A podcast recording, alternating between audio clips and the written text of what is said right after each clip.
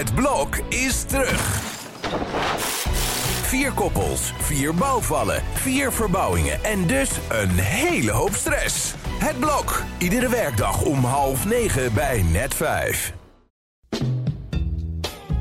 Zo doet zij dat, de podcast van Vrouw. Mariket Hart en Sabine Leenhout zijn vrouw-vrouwen van het eerste uur. Maar hoe doen zij het eigenlijk? Nou, ik wilde bijna de podcast niet op gaan nemen, zo gestrest ben ik. Oh jeetje, ja, het gaat er vandaag over omgaan met stress. En hoe je daarmee omgaat. Ja. Eh, dat zei ik al. Maar eh, we gaan beginnen met uh, opgewonden standje. Het opgewonden standje. Nou, ik zal beginnen. Het heeft linea recta met het onderwerp te maken, stress. Mhm. Want toen ik ging nadenken, wat bezorgt mij nu het meeste stress? Dat is niet mijn werk. Ik krijg energie van mijn werk over het algemeen. Maar ouder wordende ouders geven mij echt eh, eh, stress. Ja. Want nou, mijn vader woont in een verpleeghuis. Mijn moeder woont nog zelfstandig, maar op een woonboot. Ze zijn eh, dik in de tachtig en ze zijn allebei erg aan het kwakkelen met hun gezondheid. Mhm. En waar ik me dus over opwind, is dat de overheid een campagne is begonnen dat vrouwen meer moeten gaan werken, want dat zou het personeelstekort oplossen. Nou, daar ben ik het helemaal mee eens. Ik werk ook fulltime, Mhm. al heel lang Mhm. trouwens. Want ik denk dat als je niet fulltime werkt, dat je ook een dief bent eh, van je eigen portemonnee. Mhm. Maar dezelfde overheid gaat ervan uit dat toch veel zorgtaken eh, door mensen zelf eh, moeten worden gedaan. Zo vind ik het bijvoorbeeld op school slecht geregeld. Dat je niet overal een continu rooster hebt. Dat er te weinig kinderopvang is die ook nog steeds onbetaalbaar is. En dat ja, scholen er eigenlijk altijd maar van uitgaan dat eh, eh, ouders, veel moeders inspringen. Dat als de juf ziek is, als er een studiedag is, als er met excursie iemand mee moet, als er luizen moeten worden gepluist. Maar dat heb ik gelukkig allemaal niet meer. Maar wat ik dus nu heb, is de zorg voor je ouders. De mantelzorg, waarbij ook wel echt vanuit wordt gegaan dat kinderen inspringen. Er zijn geen bejaardentehuizen meer. Er zijn enorme wachtlijsten voor eh, verpleeghuizen en verzorgingshuizen. Mhm. En dat wordt ook gewoon echt letterlijk gewoon gezegd. Het moet maar gewoon opgevangen worden door familieleden. En dan denk ik, ja, hoe wil je dat vrouwen meer gaan werken als je aan de andere kant voortdurend bezuinigt op dat soort dingen? Ja. Daar maak ik me echt boos over. ja, nou ja, daar heb je helemaal 100% gelijk in. Ik Ja. eh, begrijp die eh, boosheid. En ik begrijp ook de stress die daaruit voortvloeit. Nou, het vervelende is dat ik me dan vroeger voelde ik me vaak schuldig ten opzichte van mijn kinderen, omdat ik veel werkte. Mhm. En nu voel ik me eh, soms schuldig ten opzichte van mijn ouders eh, dat ik veel werk. Er is nu een heel gedoe, ik zal niet te, te lang over uitweiden, maar de was is uitbesteed aan een organisatie en daarvoor moeten formulieren worden ingevuld en die moeten worden ingescand en, en er moet een bemachtiging worden gegeven en dan eh, eh, krijg ik een mail dat ze mij niet kunnen bemachtigen, want ik ben niet de eerste contactpersoon, maar dat is mijn moeder. Maar ja, voor mijn moeder wordt het allemaal ingewikkeld, dus ik zeg mag ik dan ook contactpersoon worden? Nou, en dan moet het weer Over 18 schrijven en dan 18 eh, schrijven. En misschien ja. volgend jaar Pasen Ja. mag jij... jouw ouders zijn nu natuurlijk nog heel goed, maar ja, Mhm. jouw ouders wonen best ver weg. Als die over een ver jaar of vijf of tien gaan kwakkelen, Ja, zeker. Ja, daar heb ik met mijn zus natuurlijk ook wel eens over gehad. het komt ook bijna altijd op vrouwen neer. Dan kan je wel zeggen, ja, eh, mannen moeten net zoveel doen, maar mijn broertje gaat echt nooit. Nee. Maar goed, jij Ja, zei net zelf ook dat je gestrest was. Waar? Ja, waarom? Ik hou ook wel van veel werken en van veel leuke de buitenschoolse activiteiten, wil ik zeggen. Nou ja, de feestjes en de borrels en ehm, eh, dingen die bij mijn werk horen. Maar doordat ik dat ook moet doen, omdat ik nu de Culi-pagina's erbij heb, eh, vind ik dat ik dat ook moet doen. En Mhm. morgen moet ik naar de, de Culi-perslunch. Nou, dat schijnt volgens Reza, die zegt, ja, daar moet je echt bij zijn. Dus daar moet ik ook even naartoe. Maar ik heb best wel wat eh, schrijfwerk liggen. En eh, ik had een paar dagen vrijgenomen, want ik heb mijn eh, huis, eh, mijn sleutel gekregen en ik moet ook klussen. Ja, en nu is er een andere collega en die dreigt om te vallen. En dat lossen wij altijd op de redactie gewoon lekker op. En dat is helemaal geen probleem. Maar dat is nog een kruiwagenwerk erbovenop. Ja. En wij gaan ook nog op reis volgende week. Dus het wordt een beetje veel. Vanavond heb ik daar weer geen stress van. Ik zit daar dan nu omdat ik iets moet regelen. Ik, moet, oh, ik zoek sexy boeren. Dus als je nog iemand weet, bel me. Maar ja, goed. Als ik dat soort dingen dan nog even moet regelen. En eh, dingen blijken gewoon allemaal half afgesproken te zijn of niet. Of eh, nou ja, whatever. Dan denk ik, oh, daar krijg ik wel een beetje stress van. Omdat ik vind, ja, nou, ik wil de dingen die ik doe, wil ik wel goed doen. Nou ja, ik zei net, eh, mijn werk geeft me is natuurlijk ook stress. Want ik moet een heleboel eh, ballen in de lucht houden. Want eh, we maken nogal veel bij Vrouw. Ja. Een magazine, een glossy, een website, een podcast. Alle social media eromheen. Een pagina Vrouw in de krant. Alle socials. Nou ja, ik moet een heleboel ballen en bordjes in de lucht houden. En ja, er zijn natuurlijk altijd dingen die... Bijvoorbeeld gisteren belde er ongeveer een uur van tevoren iemand, een mevrouw af... die de foto zou gaan, die al geïnterviewd was. Waarbij ik echt denk van, volgens mij heb je echt geen idee wat er komt kijken bij zo'n shoot.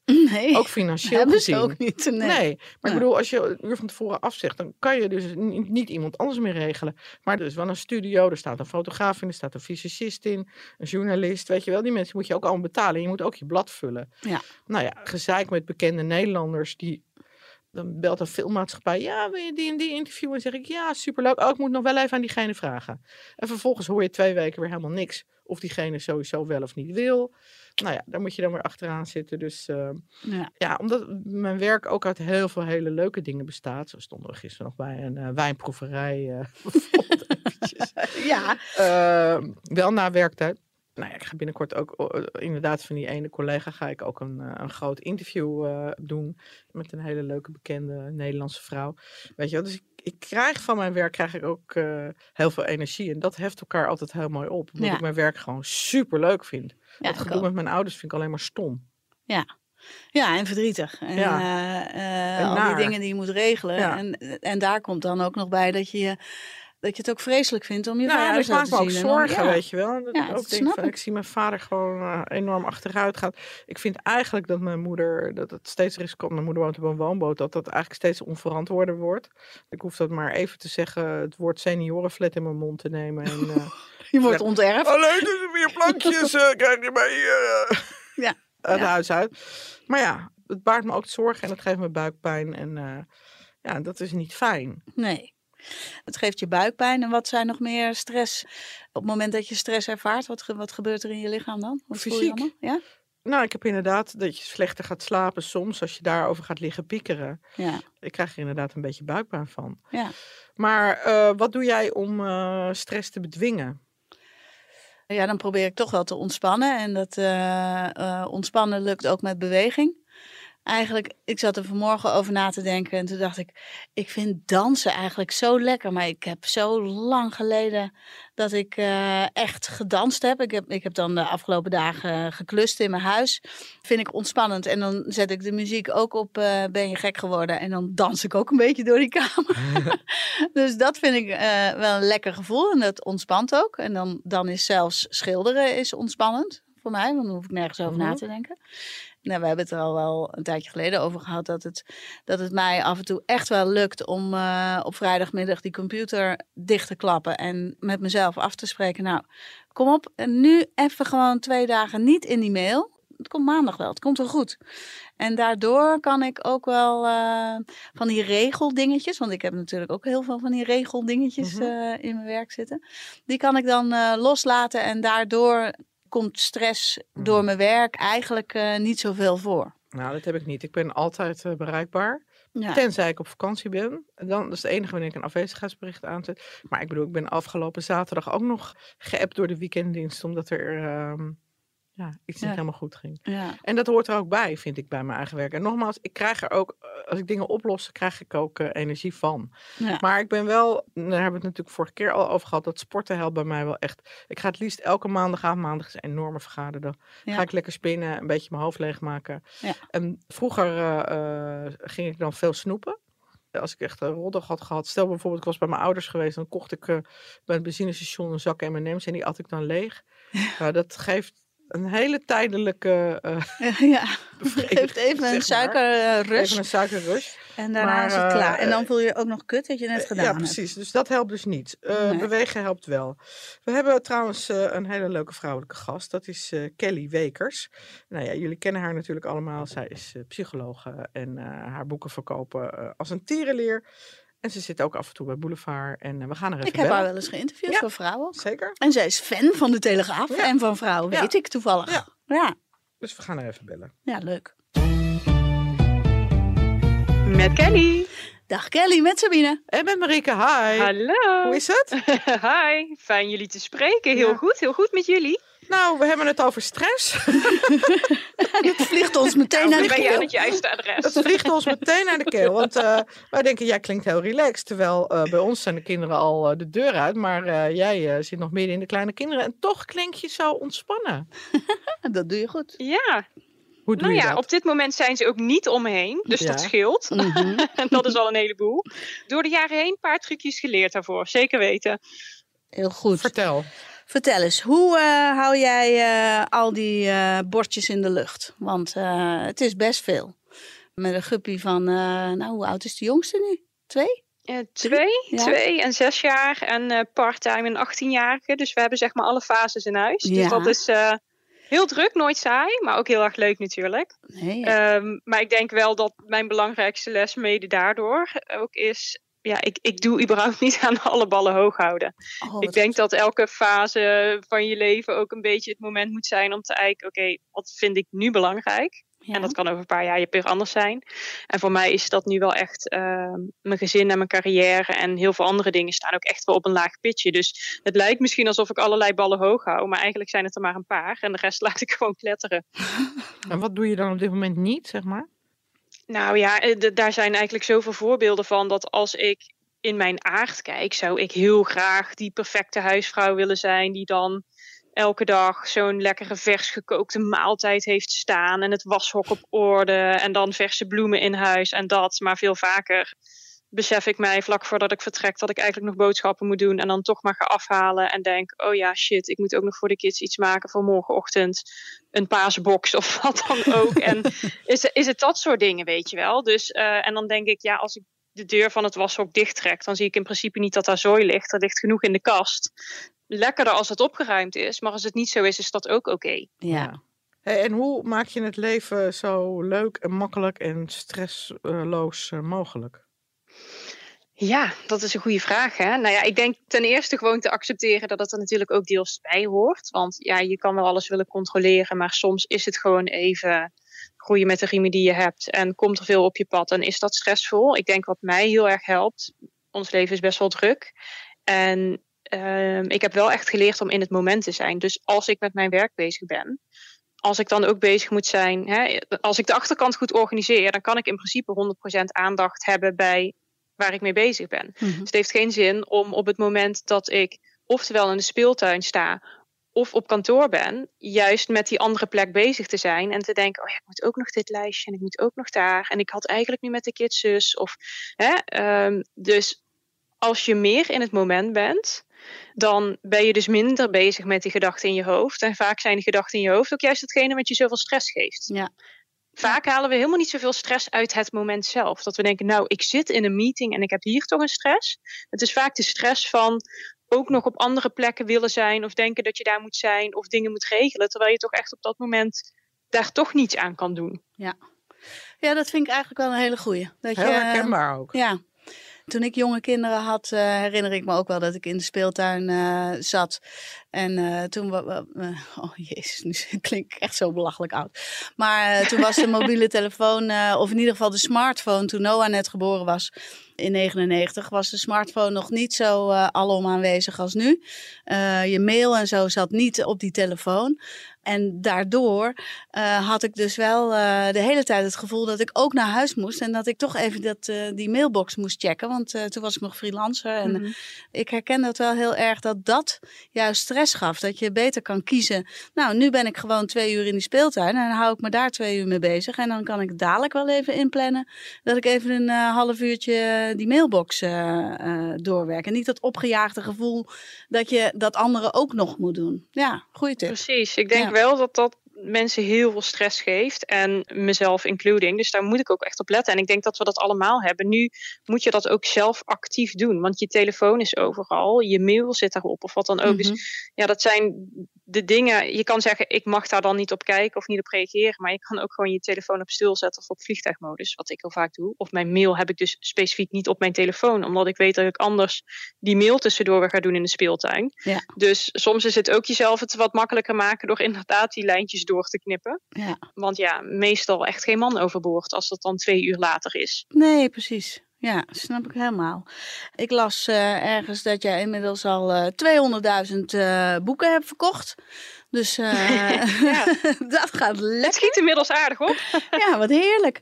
Maar dat betekent dus ook dat veel vrouwen en mannen die jouw boeken waarschijnlijk ook lezen, dat er echt wel markt voor is om het allemaal wat georganiseerder en, en meer in banen te krijgen. Zie jij dat ook? Merk je dat?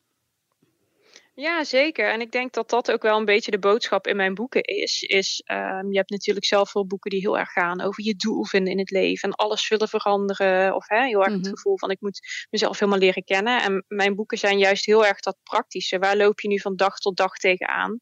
Stressen, piekeren, mensen die over je grenzen heen gaan. Uh, dat soort dingen die denk ik voor iedereen heel herkenbaar zijn. Mhm. En waar iedereen ook wel een soort van oplossing voor zoekt. En vaak zijn die oplossingen niet zo moeilijk, maar je moet er wel net even aan denken.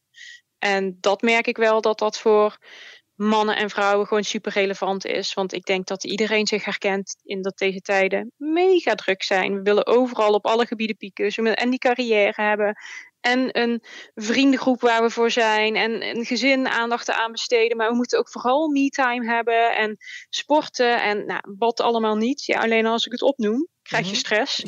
dus hoe doe je dat? En dan moet er ook nog eens niets fout gaan, hè? want dan moet je niet ineens nog te maken krijgen met ja, wat, hè? ziekte, een mhm. sterfgeval, mm -hmm. burn-out, van alles en nog wat. Dus ja, er is gewoon zoveel. Dus ik denk dat iedereen wel behoefte heeft om iets meer balans te creëren. En ik denk dat dat vaak toch wel schuilt om toch inderdaad echt wat minder dingen te doen met wat meer aandacht. Dat dat al een hele hoop scheelt. Ja. Want wat kun je nou doen als je, ja, als je denkt ik ben niet gelukkig of ik ben ontevreden met mijn leven? Ik, ik denk dat uh, het vaak zit gewoon in het in beweging komen. Kijk, ik denk dat velen van ons echt wel eens op een moment komen in het leven van oftewel ik ben niet gelukkig in de liefde, uh, of mijn relatie zit niet goed of ik iets anders of eh, met een baan.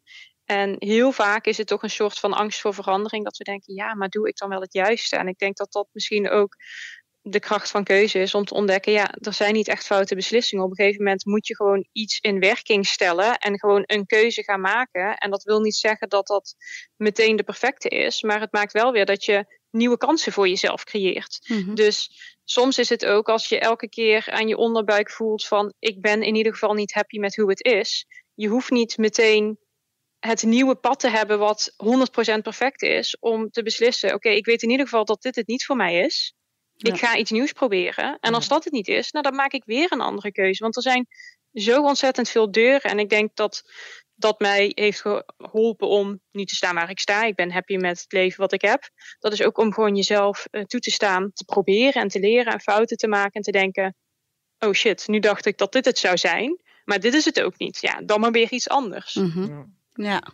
Want zie je dat veel vrouwen, tenminste dat, dat zie ik om me heen, dat veel vrouwen best streng voor zichzelf zijn? Ja, mega. En dat ze ook vinden dat als, ik, als ze een bepaalde beslissing hebben gemaakt, of als ze ergens al veel tijd in hebben gestoken, dat dat het dan ook maar moet zijn. Of, hè, of als ik iets anders doe, of erken dat dit me niet happy maakt, of ik niet gelukkig ben, dan is dat een persoonlijk falen. Terwijl ik denk dat iedereen dat herkent. Alleen misschien erkennen we dat niet zozeer naar elkaar of staan we dat van onszelf niet toe. Maar het is eigenlijk heel normaal. Ik bedoel, hoeveel verander je in een mensenleven? En uh, ja, smaken veranderen. Weet je, wat ik uh, twintig jaar geleden leuk vond, vind ik nu ook niet meer leuk. Dus het is ook inderdaad dat strenge van ik moet alles op orde hebben en overal pieken en de lat ligt vooral hoog. Ja, tuurlijk voelt het dan elke dag alsof je in iets faalt. Maar dat is eigenlijk omdat die lat helemaal niet realistisch is. Aha. Hey, en ehm, jij bent van een heel eh, praktische aanpak. Toen ik jou voor vrouwen uh, interviewde, toen daarvoor had ik ook je boeken gelezen. En jij bent niet echt bezig met mindfulness of, uh, of dat soort dingen. Hè? Dat is niet echt de richting die jij gebruikt om. nou, om misschien dat je het niet herkent als zodanig. Oh, ik heb oké. zeker wel een mindfulness achtergrond, maar Mhm. mindfulness voelt heel snel voor veel mensen als zweverig. En ik moet op een matje gaan zitten en dan moet ik drie kwartier gaan mediteren. Mhm. En daar heb ik al geen tijd voor. Dus hoe ik het meer aanvlieg is met focus. Dus wat ik net al een beetje vertelde, met in het moment zijn. Meer aandacht hebben voor de dingen om je heen. Daar daadwerkelijk waar je voeten op dat moment staan. Dus Mhm. wat hoor je, wat ruik je, wat proef je. Dat zijn echt wel mindfulness oefeningen. Maar omdat het meer is verpakt als focus en aandacht. Ja, ja, ja. Ja, komt het lang niet zo zweverig over. En denk ik ook dat het, ja, dat, dat misschien ook de kracht is achter mijn boeken. Dat het zo nuchter en no-nonsense is. Dat iedereen denkt, ja, hier kan ik wel wat mee. Want mediteren is niets voor mij. Maar vervolgens leer ik ze wel met aandacht eh, te douchen of hun tanden te poetsen. Wat eigenlijk hetzelfde is. Want ja, als je je gedachten maar focust. En even niet bezig bent met alles wat nog moet of alles wat was. Maar Ja. wat nu is. Ja. Klinkt goed. Ja, want eh Marieke en ik hebben. Marieke is, eh, is eh, wars van, de, van mindfulness. En als Sabine dat zweverige gelul, hou nou toch eens op. Doe gewoon je ik. ding. Ja. En ik kan me daar nog wel een beetje in verliezen. Wat ook wel weer grappige gesprekken oplevert. Wat een hoor. heerlijke combi. Ja, juist. absoluut. Maar we hebben allebei wel een bepaalde nuchterheid die- ons dan weer heel erg bindt. Maar nu je dit zegt, herken ik het inderdaad wel weer Ja. uit. eh, ja. Ik, ik verpak het eigenlijk meer als in plaats van heel veel multitasken, hè, wat we allemaal gewoon de hele tijd doen, omdat we denken dat is lekker snel en efficiënt. En dan krijg ik veel gedaan in korte tijd. Dat Mhm. maakt ook dat we een soort van een totale overload de hele tijd in ons hoofd hebben. Van Ja. ik moet nog van alles. En we vinden het ook heel moeilijk om gewoon met één ding bezig te zijn. Dus ik verpak mindfulness meer als ga nu eens van multitasken naar monotasken. Ja. Hoe stressvol je dag ook is, soms als jij dan gewoon zegt: Oké, ik moet nog zoveel doen. Laat ik dan gewoon nu even met aandacht datgene wat ik toch moet doen, bijvoorbeeld koken, eens even met volle aandacht doen. En het grappige is dan, is dat je zoveel stress al kwijtraakt, omdat je gewoon tegen jezelf zegt: Oké, ik ga nu koken. Ik ben nu bezig met de prijs snijden, de tomaten, de pasta gaat in het water. Het klinkt heel suf. Maar eigenlijk is dat dus gewoon mindfulness voor de nuchtere mens. En doet dat echt iets met je stressniveau? Ja, ja, ja. ja. Nou, leuk. Ik ga het eens proberen, want meestal ga ik tijdens het koken inderdaad bellen of ook nog een podcast luisteren. Of... Precies, Ja. precies. En dat is ook lekker, hè? Maar hoe vaak doen we dat wel niet? Dan denken we, ja, dan gaan we even relaxed wandelen. Heb ik ook, hè? Maak ik me ook schuldig aan. En dan is het, eh, ik ga een blokje om en dan heb ik meteen 86 apps bijgewerkt, drie belletjes gedaan. Nog even je mail of wat dan ook. En dan denk je, oké, was dit nu heel relaxed? Nou, het was efficiënt, maar niet echt relaxed. Dat is nee, waar. nee. Dus soms kan juist dat, dat focusmoment zoveel schelen. Ja, en dan ben je voor je het weet aan de mindfulness. Nou, Ja. klinkt goed. Ik, we gaan ermee aan de slag. Ja. Dankjewel hè, voor je tijd. Heel graag gedaan. Oké. Tot Ontstressen, hè? Ontstressen. doen we. Ja. Tot de volgende Tot de keer. volgende keer. Doei. Doei! Ja, zo is het wel, hè? Maar we zijn echt fout bezig, hè? Wat wij natuurlijk helemaal verkeerd doen. We gaan op vakantie. en dan gaan we ondertussen gewoon weer een, hele werkdag ertussendoor Ja. proppen. Ja, maar dat is ook wel super grappig. Het is super grappig, maar het is Ja. natuurlijk dat je denkt, oké, weet je, jij bent best wel aan vakantie toe, ik ook wel een beetje. En gewoon op dag twee weer aan het werk. En wel een wer werkafspraak. Ja, maar die, nee, dat werk is pas na de hand. Weet je, als we die dag aan het doen zijn, dan zijn we niet aan het werken. Dan gaan we gewoon met die vakantievriendin leuke dingen doen. Dat nemen we hier en daar een beetje op. En typ je een beetje in je telefoon. En dan eh, als we thuiskomen, dan komt de stress alweer. Ook kut, dan moet het ook nog uitwerken. Ja, dat komt wel goed. Misschien moet je even uitleggen. We gaan eh, naar Oh ja. Ibiza met nog een eh, collega-vriendin. En eh, nou ja, we kwamen er dus achter dat de moeder van Jessie Jazzfuik, eh die woont daar ook. En die heeft een onwijs leuke website en die heet De Vakantievriendin. Als je niemand eh, hebt om op vakantie te gaan, dan huur je haar in. En dan neemt ze jou mee het eiland over en dan doet ze allemaal leuke dingen. Je kan zelfs bij haar thuis logeren. Ik vind het echt een gouden greep. Ja, en wij, wij gaan dus met haar meelopen. Ja. ja, en dat doet ze alleen voor vrouwen. En uh, zij is trouwens wel, ja, bereid je voor. Zij is dus wel heel erg van de yoga en uh, mediteren en uh, mindful en een beetje naar die naar SVDRA kijken. Dus Marieke, neem je yoga pakje me mee. Oh mijn god, nou. Kan ik ook spinnen? ja, je mag ook hollen. ja, ja, nee, dat is wel leuk. Ik heb er ook heel veel zin in, ja. uh, moet ik zeggen. Maar, uh, maar inderdaad, wat zij zegt van je moet je focussen op één ding. En nou ja, want ik zit inderdaad altijd praktisch te kijken hoe ik dingen met elkaar kan combineren. Ja, ja maar jij hebt wel het geluk dat je, je bent super slim. Dus jij kan gemakkelijker dan andere mensen, uh, zelfs gemakkelijker dan, dan ik, beter twee dingen tegelijk, die je dan allebei goed genoeg doet goed genoeg voor dat moment. En ja. uh, voor de focus en uh, uh, voor de mensen die op dat moment om je heen staan, is het misschien wel af en toe handig dat je gewoon op één ding concentreert. Op dat mens wat tegenover je ja, staat. Precies, zo van, in plaats van dat ik ook om, dat ik en jouw verhaal luister en met een andere oog even naar binnenkomende mail kijk. Ja, en dan ook nog die stomme smartwatch. die ook nog de helft van de tijd, oh, weer even op je horloge kijken. Ja, nou ja, ik vind het ook wel grappig aan jou. Ja, gelukkig. Ja. zo het is zo efficiënt. Ja, het is super efficiënt. Hey, en um, nou, jij hoeft dus nooit in therapie voor, om van je stress uh, af te komen, denk ik.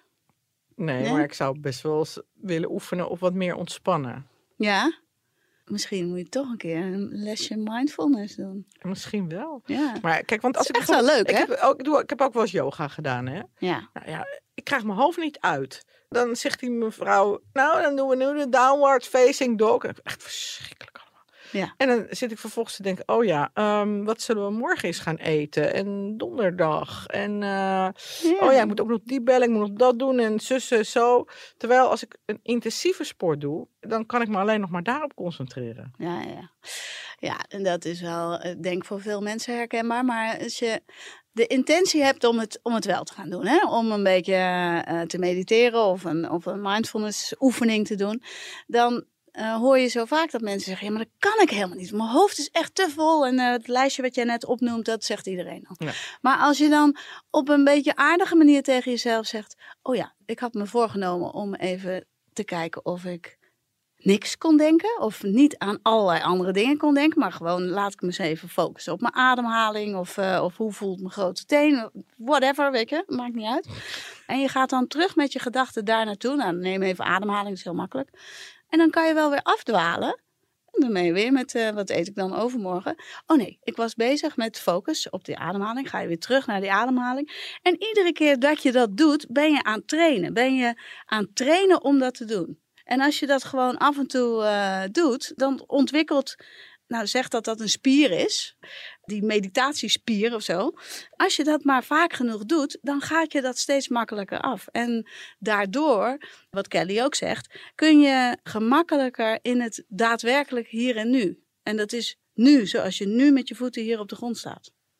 En dat ontspant enorm. Oké, okay, we gaan Ja. het proberen. We hebben trouwens ook een man natuurlijk weer in de rubriek Zo doet hij dat. Ja, en dat is eh, Nathan Vos. Die maakt ook samen met Pieter een hele grappige podcast. waarin hij eh, uitlegt hoe mannen in bepaalde zaken eh, zijn. En dan kun je dus als vrouw kun je daar vragen in stellen. En dan beantwoorden die twee mannen beantwoorden die vragen. En we Ja. willen van hem weten of een man minder makkelijk over zijn gevoelens praat dan vrouwen. En hoe dat komt. Zo doet hij dat. Een man praat minder makkelijk over zijn gevoelens dan een vrouw, gemiddeld genomen. Omdat mannen al, ja, zolang eigenlijk mannen bestaan, eh, hebben geleerd eh, dat ze moeten vechten om strijden, of iets moeten presteren, of sterk moeten zijn, of krachtig moeten zijn, om een kans te maken. En bij een vrouw in het leven. Ja, wat je ook doet aan opvoeding, of als partner, of als vrienden. eh, het gaat echt wel beter nu dan het ging. Maar het is duizenden jaren, ja, je zou het kunnen zeggen, culturele evolutie, waar een man leert als ik laat zien dat ik emoties heb. En dan moet je het al eerst weten dat je ze hebt. Je moet ze al kunnen doorvoelen. Daarna hebben we het vaak over verdriet, of angst, of woede. Die natuurlijk mannen net zo goed hebben als vrouwen. Als ik dat laat zien, dan ben ik zwak, dan ben ik af, dan hoor ik er niet meer bij, want de rest heeft dat niet. Terwijl eh, vrouwen, ook van oudsher, en dat verandert natuurlijk ook, en het is gemiddeld, geleerd hebben als ik laat weten, eh, eh, zien dat ik kwetsbaar ben, dat ik het misschien niet weet of nieuw kan, dan maak ik verbinding met bijvoorbeeld andere vrouwen. En dat is iets eh, wat uh, mannen nog steeds, ik ook nog steeds lastig vinden. En dat los je uh, niet zomaar op door van ze te eisen en dan te zeggen je moet praten. want mannen praten natuurlijk op zich wel, ze praten liever over dingen dan over zichzelf. Ze hebben eerst ja, hetzelfde doorvoelen wat er in hun leeft en dat erkennen dat het er ook mag zijn. Dat angst, dat hoort er gewoon bij. En verdriet hoort er gewoon bij. En wat je kent, dat ben je niet. Nou, dat stapje zullen ze eerst moeten maken voordat ze erover kunnen praten. En als ze er iets mee kunnen, dan kunnen ze hopelijk ook bij hun eigen verlangens en behoeftes komen. En dat is natuurlijk wat we elkaar zo gunnen. Ja, ik, ik heb al best wel het podcast van hem geluisterd. Dit komt vaker ter sprake. Ja, waar Nathan zich zorgen over maakt, is ook toch wel het stijgende percentage zelfdoding onder mannen. Mhm. En een van de redenen is dus volgens hem inderdaad dat mannen ook niet goed wordt geleerd om over hun gevoelens te praten. Nee, nee en dat zou wel fijn zijn als dat uh, al jong zou veranderen. Ja. Sowieso met al die veranderende opvattingen over wat mannen en wat vrouwen uh, zouden moeten Ja. zijn, kunnen of doen. Ik denk dat we wel een fijne weg aan het inslaan zijn. Ja, ik Eh. hoop het, want ik, ik zag vorige week zag ik nog een eh, moeder met een kindje van een jaar of één in de tram. En eh, die zei, niet huilen, hè? dat doen stoere grote jongens niet. Ja, ja, Ja, het is zo. dacht ja. dat is wel een beetje een stigma dat je erop plakt. Maar ja, om nou tegen een onbekende mevrouw in de Te zeggen, mevrouw, eh, ik ben het niet met u eens. Nee. Doe hem even een roze jongbak aan en eh hou eens op met dit soort eh, stigmatiserende ja, precies. ouderwetse opvattingen. Nou, goed. Oké, hey, Sabine, heb je nog wat op te biechten? Ja. Opgebiecht. Nou, ik heb natuurlijk net verteld dat ik, dat ik niet zo snel in de stress te brengen ben. Maar als ik dan gestrest raak, eh, Ja. serieus gestrest raak, en dat betekent dat ik mijn hoofd niet meer uit kan zetten en dat ik inderdaad bij alles aan het denken ben, oh ik moet dat nog en ik moet dat nog en ik moet dat nog en daar krijg ik dan stress van, dan word ik zo ongedurig en ongeduldig en geïrriteerd en dat zit heel erg in me. Mijn gezicht gaat dan ook wel op onweer. Inmiddels eh, is die resting bitch face eh, echt wel een feit. Dan ben ik echt niet te doen. Ben ik ook voor mijn omgeving eh, word ik onaardig. Ik, ik had, er kwam iemand helpen met schilderen, Oekraïens kaboutertje. En die kon niet bij de, eh, want mijn plafonds zijn vier meter hoog. En als die op de steiger stond, dan kon ze, als ze op de teentjes ging staan, dan kon ze net met het kwastje bij de, bijna bij het plafond. Nou, die heeft dus ongeveer op zeven eh, strekkende meter eh, het plafond geraakt. Nou, normaal gesproken kan ik dat dan nog wel handelen. Denk ik, ja, jezus Sabine, had je beter moeten regelen Mhm. dat jij daar stond en niet zij. En nu eh, kon ik dat helemaal niet bedenken. En ben ik eh, in het Nederlands, eh, ga ik gewoon mm, redelijk uit mijn panty. Ja. maar dat ongeduldige, dat ken ik wel hoor. Ja, Ook eh, inderdaad als mensen gewoon, jezus. We hebben nu gelukkig bij de koffie altijd dezelfde eh, mannen en die dat allemaal redelijk snel doen. Je kan dus bij ons eh, koffie halen uit de koffieautomaat, maar als we onszelf willen trakteren gaan we naar beneden naar de koffiebar. wat we iedere dag doen. Iedere dag Tegen onszelf iedere dag. Maar daar werkte een tijdje een mevrouw, weet je nog? Ja, ja, ja. Zo langzaam dat ik dacht, ik ga nu achter die bar staan en het zelf even doen. ja. Dus- Ongedurig. Ja, ongedurig en ongeduldig. En eh, eh, ik kan ook. eh, Ja, maar meestal blijf ik, of ik in ieder geval kan even Ja. voor mezelf spreken, blijf ik gewoon beleefd en aardig. En, maar als ik, als ik te gestrest ben ja, en het gebeurt dan. En Ja. mensen doen gewoon oerstom of, Mhm. of super langzaam Ja. of niet ge- de- Ja. wat die vrouw deed. Weet je wel, echt drie onnodige dingen doen voordat je gaat doen Mhm. wat je moet doen. Dan heb ik echt, eh, ben ik onbeleefd. nou, ik kon vroeger toch echt wel snauwen tegen mensen. Ik heb wel het gevoel dat ik dat langzamerhand, naarmate ik ouder word, dat ik ook wat milder word en dus ook minder eh snauw. Ik dat heb jou ook al heel echt- lang niet zien stampvoeten. Nee, daarom. Nee, zie je? allemaal, eh, allemaal ouder worden, dat ik niet- niet stamvoeten. Dorie, wat zeg je nou weer in de podcast? Niet stampvoeten, niet ongeduldig zijn, niet uitvallen. Dat, dat allemaal minder. Ja. Maar jeetje, dat kon ik vroeger ook wel tegen mijn kinderen als die ontzettend aan het treuzelen waren. Dat ik echt schiet Oh, Dat ja. doe ik ook allemaal niet meer. Dit- Nee. Maar ja, Ja, maar dat is wel een goed voorbeeld. Toen ik tegen scheiden aan zat, hè, En echt op eieren liep. En eh, eh, ik had het helemaal gehad met, met de ex-genoot op dat moment. En dat gaf me echt vette stress. Nou, hij kon dan ook wel echt super onaardig doen. En dat reageerde ik ook wel eens, eh, nou niet echt af, maar, maar wel door te snappen naar mijn kinderen. Zo, ja, Jezus, nou kom op nou. nou, echt. De dag na de scheiding was dat al weg. Dat had eh, linea recta met elkaar te maken. Dat cortisol, eh, te veel aan cortisol in mijn lijf, dan gaan er wel bepaalde filters af. Dat is niet oké. Nee, nou, misschien ook eh, als je dan straks zo oud bent als ik, dat je dat dan ook helemaal niet meer hebt. Helemaal niet meer. Helemaal niet meer. Een paar jaar wachten. Nee. Oh, haal je je deadline niet? Ah, schatje, nou, dat geeft helemaal niks. Precies. Nou, dacht je zelf? dat gaat nu gebeuren. nee, maar ik vind het ook wel leuk dat wij met allemaal leuke mensen werken. En allemaal volwassen vrouwen die eh, hun neus allemaal diezelfde kant op hebben Precies, staan. die En, allemaal eh, hard werken en ja. allemaal eh, van vrouwen het beste eh, willen maken. Ja, en toch? eh, Ja. ja, schouders eronder zetten. ja, ik hou dat is ervan. ook leuk.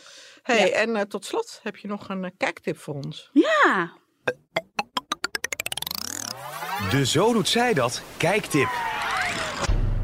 Ja, dat is ooit een tip van jou aan mij geweest. Eh, Nine Perfect Strangers met Nicole Kidman eh, in de hoofdrol. Die een, eh, een soort eh goeroe speelt. En die heeft een retreat-oord en dat heet Tranquillum. En daar heeft ze allerlei mensen verzameld die zij op een bepaalde manier meer ontspannen en ontstrest eh, wil krijgen. En ik ga er verder niks over zeggen, want het Te zien bij Prime. bij Prime. Ja. ja. Nou, ik ben dus net begonnen aan Wellmania op eh, Netflix. Het gaat over een eh, eh, Australische... Tip van mij. Tip aan van jou. Ja, een eh, Australische journaliste die voor de bruiloft die in Amerika woont. Op het punt staat een heel leuk kookprogramma te gaan presenteren. En even voor het weekend naar de beste vriendin de bruiloft gaat in Australië. En dan wordt haar tas gejat met haar green card erin. Dan gaat ze een nieuwe aanvragen en die krijgt ze niet, want ze is heel ongezond. De bloeddruk is veel te hoog, de cholesterol is veel te hoog, de gewicht is veel te hoog. Ze is gewoon niet gezond genoeg en daarom een risico. Heftig vond ik dat. Zou dat echt zo zijn? Dat je daarom een green card niet krijgt? Ik heb geen idee. Ik Het ook enige wat ik over green cards weet is eh 90 Day Fiancé. Maar Wat ik goed, wel eens kijk. eh, dus ik dacht, nou, dat is best wel heftig dat je daar eh, dat je dan geen green card zou krijgen Ja? als je te ongezond leeft. Ja. Maar in ieder geval gaat zij dus haar best doen. En Ze is daar heel gestrest over om zo snel mogelijk die green card te krijgen. Het is heel grappig. Oh, leuk. Nou, dank voor het luisteren. Tot de volgende keer. Vergeet ons niet een cijfer te geven in je favoriete podcast-app en je te Of je te abonneren. abonneren, ja. En daarnaast hebben we natuurlijk een, ook een hele leuke Instagram-pagina. Die heet ook Zo Doet Zij Dat. Tot de volgende keer. Doei.